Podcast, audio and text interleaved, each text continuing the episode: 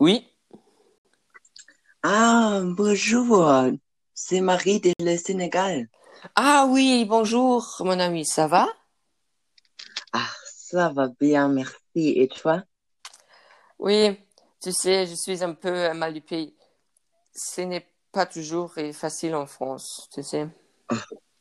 Vraiment, ici au Sénégal, tout est normal. Ah oui, et mon mari est le même idiote qu'il était. Je n'ai l'âge jamais aimé. Ah, comme Paris. Ah oui, c'est plus grand et trop de voitures et peu de choses vertes. Et les gens sont tous stressés. Comme j'ai dit, c'est.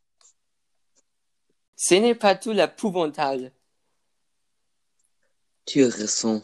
Le Sénégal n'est pas aussi le paradis. Au moins, mes enfants avaient une bonne éducation à l'école ici. Y a-t-il des nouvelles en Sénégal? Tu te souviens du matin de Chelsea? Oui, je suis là. Ta cousine était à la télévision la semaine dernière parce que, parce que a gagné la loterie avec les numéros chanceux de la mère de ma fille. Hein? Salut, salut, es-tu là? Salut.